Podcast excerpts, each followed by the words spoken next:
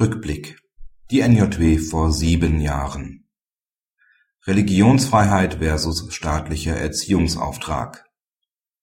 Um den Konflikt zwischen der Glaubens- und Religionsausübungsfreiheit nach Artikel 4 Absatz 1 und 2 Grundgesetz und dem staatlichen Erziehungsauftrag nach Artikel 7 Absatz 1 Grundgesetz zu lösen, ist ein schonender Ausgleich beider Rechtspositionen im Rahmen praktischer Konkordanz geboten einen solchen schonenden Ausgleich hatten die Schulen in zwei in der NJW abgedruckten Entscheidungen angestrebt.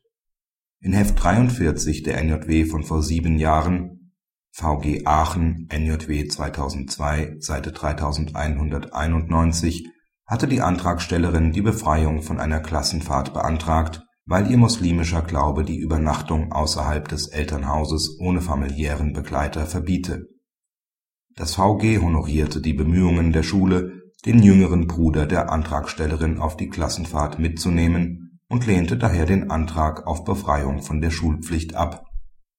Auch das Bereitstellen alternativer schulischer Angebote kann einen schonenden Ausgleich bewirken.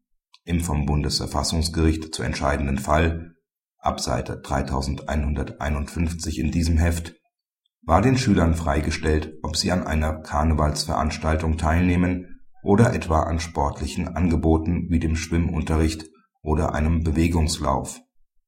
Unabhängig davon, ob mit einer Karnevalsveranstaltung überhaupt gegen das staatliche Neutralitätsgebot verstoßen werde, sei durch die Wahlmöglichkeit jedenfalls kein unzumutbarer Glaubens- oder Gewissenskonflikt entstanden, entschieden die Karlsruher Richter